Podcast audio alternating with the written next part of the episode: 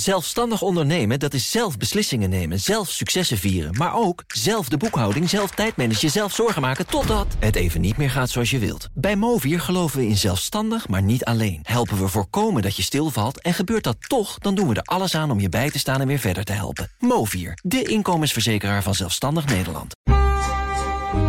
De Perestroikast. Een blik op Oost-Europa.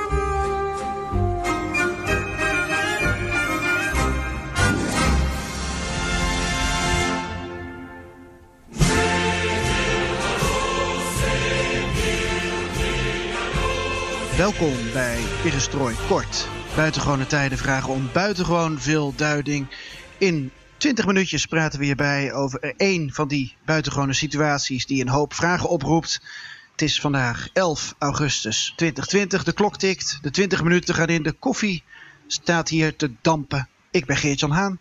En ik doe met een glas water, Floris Lakkerman. En dit is BNR Perestrooi Kort.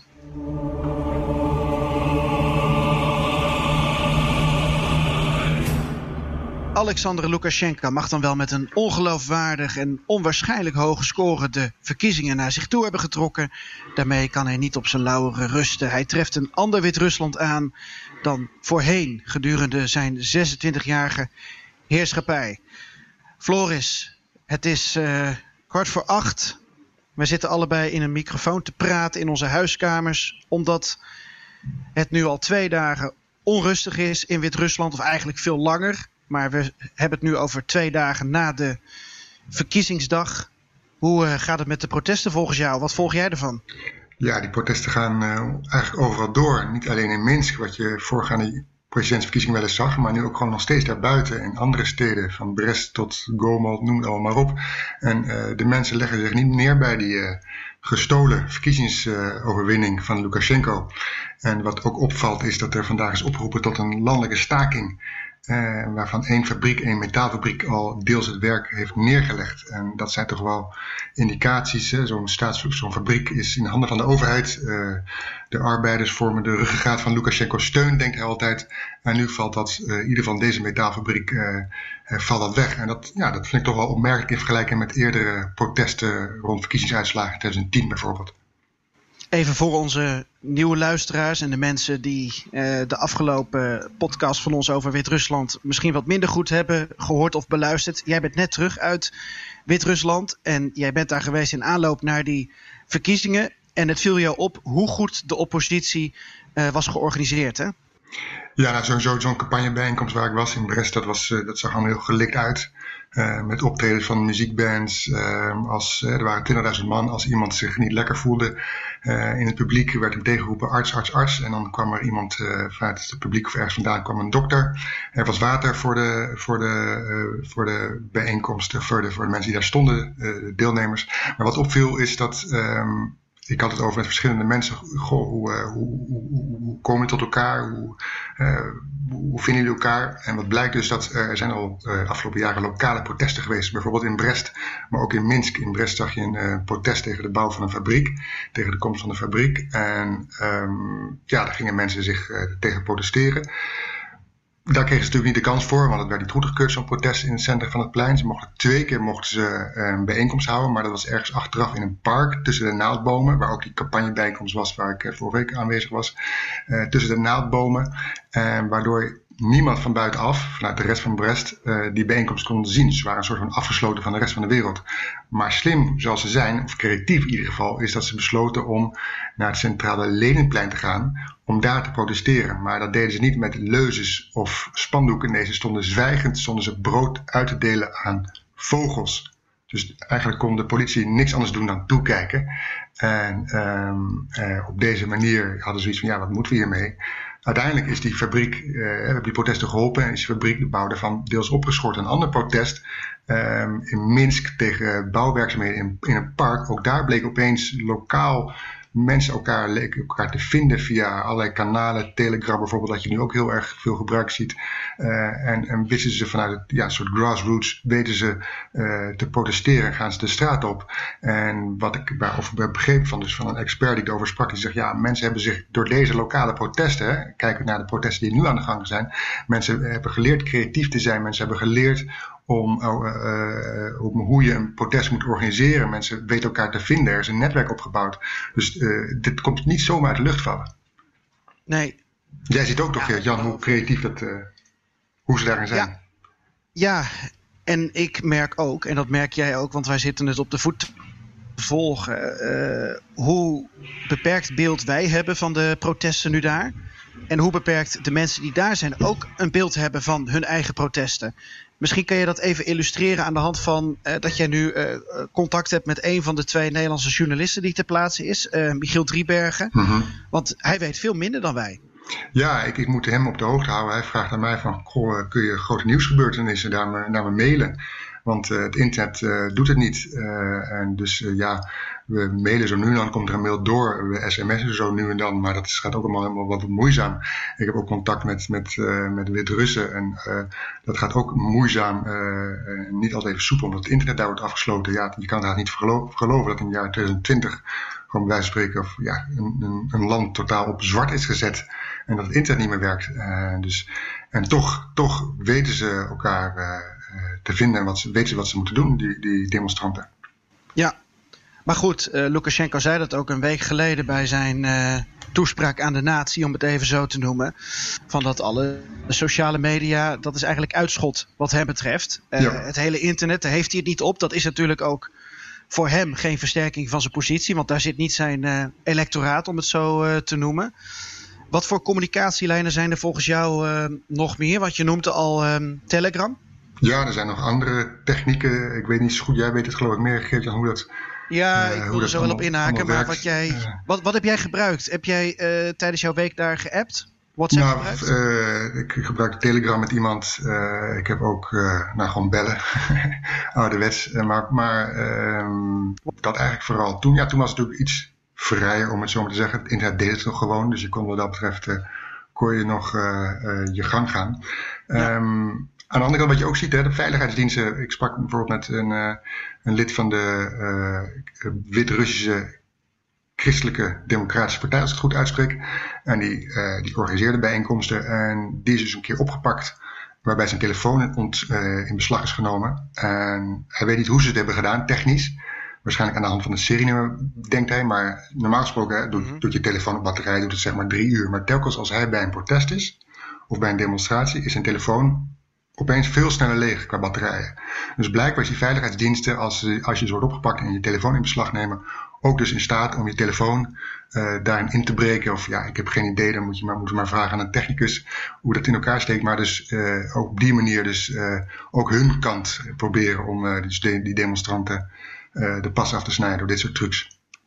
Dit is wel heel interessant natuurlijk, want dit is hoe een dictatuur 2.0 ja, toch werkt. Aan de ene kant het internet gebruiken voor propaganda. En mm -hmm. aan de mhm. andere kant dus voorkomen dat oppositie zich kan verenigen. En ik heb even gekeken naar wat er uh, gebruikt wordt onder meer. Want er zijn allerlei communicatiemiddelen. Omdat ja, als er weer wat aan banden wordt gelegd, dan moeten ze weer wat nieuws uh, uitvinden. -huh. Je hebt dus um, uh, Telegram, de Messenger-app. Interessant genoeg ondersteund door Pavel ja. Durov, hè, de, de Russische baas. Die ervoor zorgt dat de internet shutdown op een bepaalde manier omzeild wordt. En dat dus Telegram werkt in Wit-Rusland. We weten dat Durov geen fan is van Poetin, waarschijnlijk ook niet van Lukashenko. En wat ik ervan begrijp nu, als ik bijvoorbeeld het account volg van Nexta, dat is een soort platform geworden waar alle demonstranten en ook volgers van de demonstraties bijeenkomen. Ik zie dat als een soort prikbord. Ik weet niet hoe jij er naar kijkt, maar daar worden uh, mededelingen geplaatst. Nu ook weer van die uh, dag van de nationale staking. Die wordt daar mhm. afgekondigd. Er komen eisen op te staan. Er wordt af en toe best wel opruiende taal ook uh, op geplaatst. Mensen waarschuwen elkaar. Ik zie het echt als een prikbord. Ik weet niet hoe jij er naar kijkt. Ja, nou, een, een, een, een straatkant. uh, ja, ja ik, digitale straatkant. Ja. ja. nee, klopt. Ik, ik, zie, ik zie ook in, die, die enorme kapitalen zie ik binnenkomen. ik, ja. ik zit ook op, ja, volgens mij op het Telegram kanaal.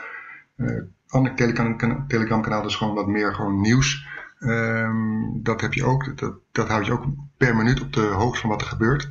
Um, dus ja, ze zijn heel erg. Uh, uh, dus dat komt toch door. En wat ik ook wel eens begreep van mensen die ik sprak, is dat bij demonstraties, ik weet niet of het nu zo is, maar voorheen, ja, werd ook het internet afgesloten. En er kwam altijd een busje van de overheid, waarschijnlijk met allemaal apparatuur naast die demonstratie staan of in de buurt van de demonstratie. En dan werd dus vanuit het busje werd op een manier dus lokaal internet platgelegd. Uh, ja, zo'n dictatuur heeft inderdaad ook een antwoord op de nieuwe wereld van internet.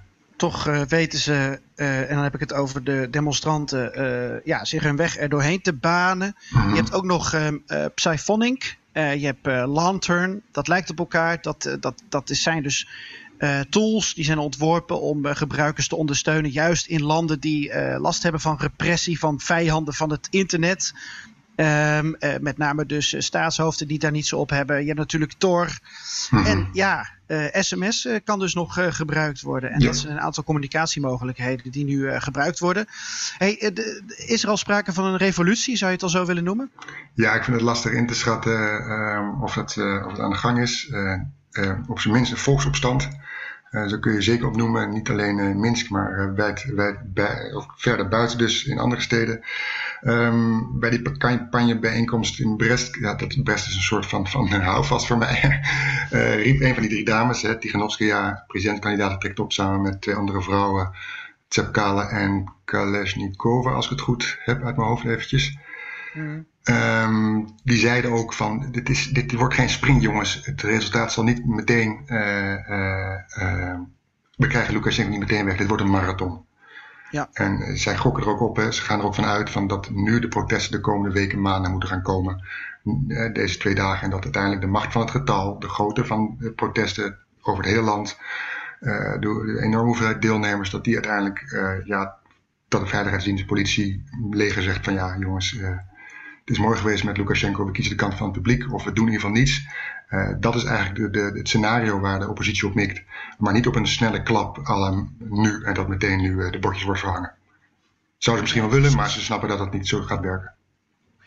Hey, heel veel vragen van uh, luisteraars, die met name gaan over hoe nu verder. Zullen we dat opsplitsen in hoe nu verder korte termijn en hoe nu verder lange termijn? Want mm-hmm. net had je het al even erover. Um, korte termijn, Tiganovskaya is een soort van ondergedoken, wat we weten. Ja. Um, wil zich ook niet presenteren als een soort Jeanne d'Arc. Dat ze op die barricade staat in Minsk uh, bijvoorbeeld, die nu door de demonstranten daar gecreëerd worden. Wat denk je dat zij nu voor rol gaat spelen? Nee, op zich dat ze, dat ze dat inderdaad niet doet. Hè. Dat ze zegt van ik ga er niet aan deelnemen. Uh, doet ze om te voorkomen dat ze wordt opgepakt en naast haar man komt te zitten. Die is gearresteerd, opgepakt is.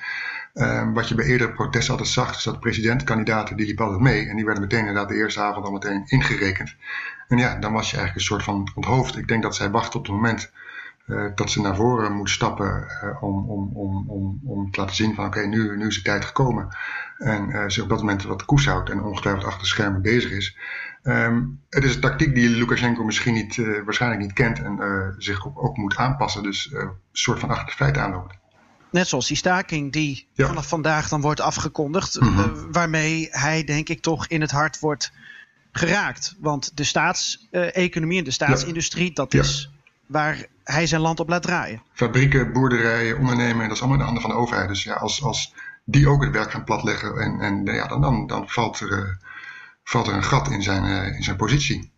Hoewel we niet weten hoeveel mensen uh, dat daadwerkelijk daar gehoor aan zullen geven. Want je hebt ook eerder aangegeven. Er zijn ook daadwerkelijk heel veel mensen die nog steeds op hem gestemd hebben bij de verkiezingen. Waarschijnlijk. Uh, omdat ze financieel enorm van hem en zijn regime afhankelijk zijn.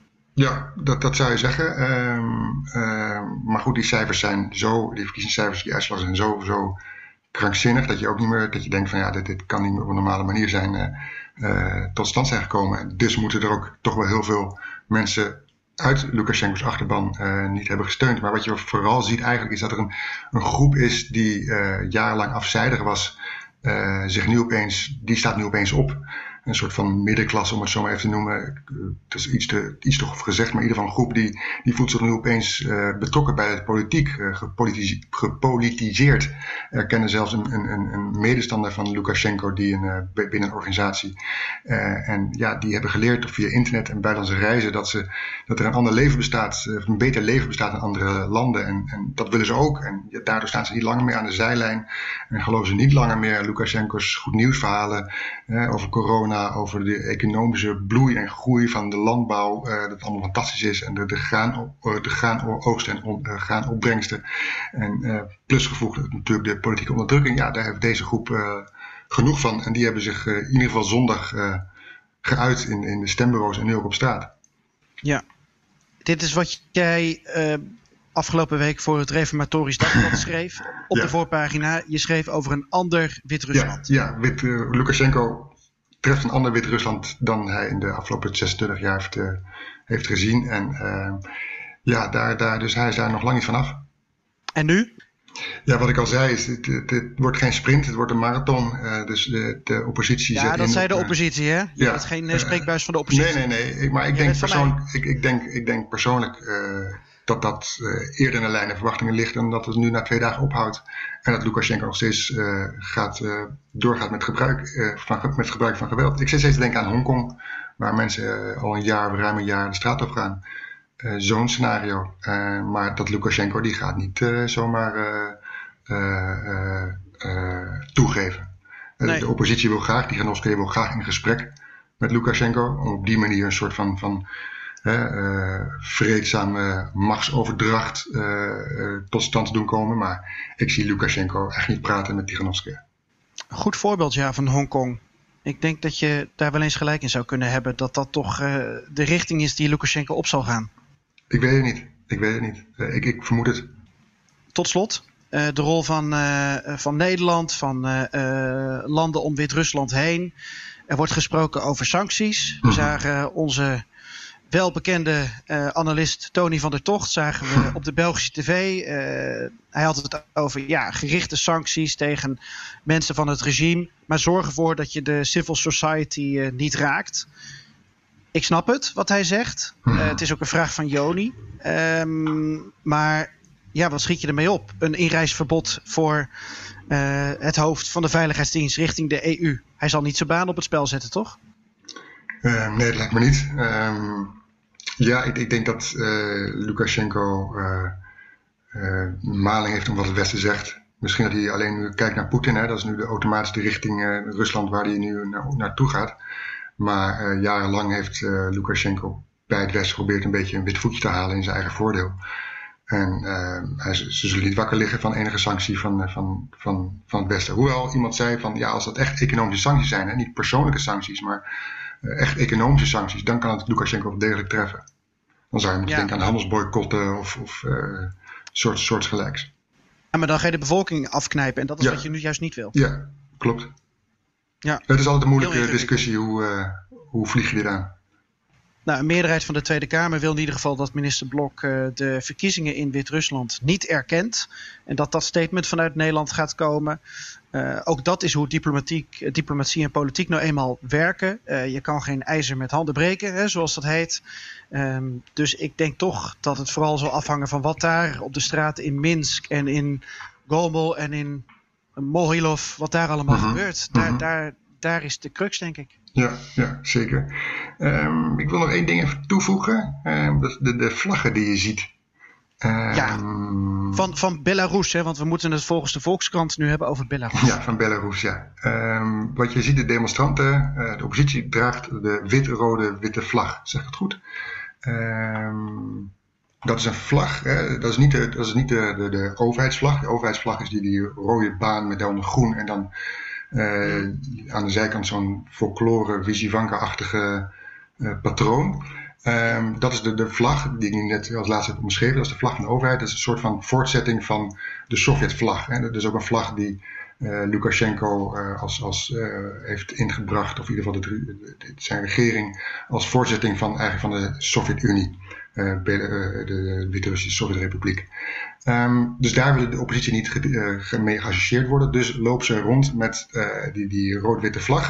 En dat is de vlag van de periode dat, dat je nog echt de Wit-Russische Democratische Republiek had. In de periode voordat Wit-Rusland een Sovjetrepubliek had. En voor, de, uh, voor de oppositie staat het dus voor, ja, voor onafhankelijkheid, voor vrijheid. Ik was ook uh, in Minsk bij een winkel, Symbol Bai. Symbol is gewoon symbool. Uh, Bai is van het, van het punt BY, net zoals wij ja. het NL hebben.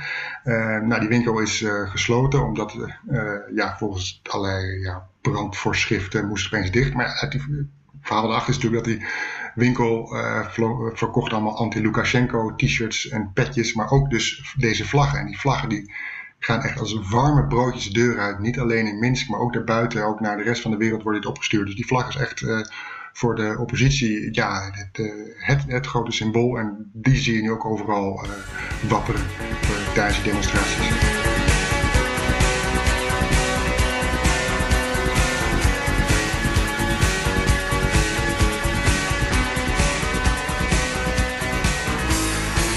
Volgens mij zijn de, de, de mannen achter Symbol ook degene die die poster van die DJ's hebben gemaakt. Als ik dat het goed heb kunnen herleiden. zou mij helemaal niets verbazen.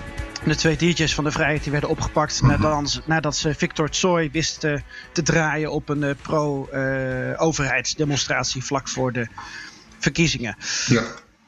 Uh, dankjewel weer voor je, voor je, voor je duiding. En uh, ook dankjewel voor al je vragen. We hebben ze even een beetje samengevat. Uh, maar als je het idee hebt, Tim, Joni, Vera, Thijs, Hugo, Aleid, noem maar op, dat, dat we toch moeten terugkomen op bepaalde vragen, dan doen we dat graag een volgende keer. Dit was uh, Kort over de nasleep van de Wit-Russische presidentsverkiezingen, die nog lang niet voorbij zijn.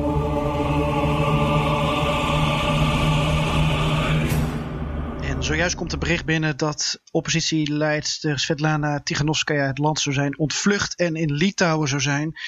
Dat komt zojuist binnen, dat blijven we ook in de gaten houden. En daar komen we in een volgende perestrooikast weer op terug over Wit-Rusland. Belarus moet ik zeggen, sorry. Belarus, ja. Sorry het Sorry. Dank, dankjewel uh, Geert-Jan. Uh, leuk om je hier zo vroeg uh, te spreken. vergeet je niet om te abonneren op de Perestrooikast via Spotify, Apple of je andere podcastplayer. Zo blijf je op de hoogte van al het nieuws rond de presidentsverkiezingen in Belarus en andere duiding uit onze regio. Bedankt voor het luisteren. Paka.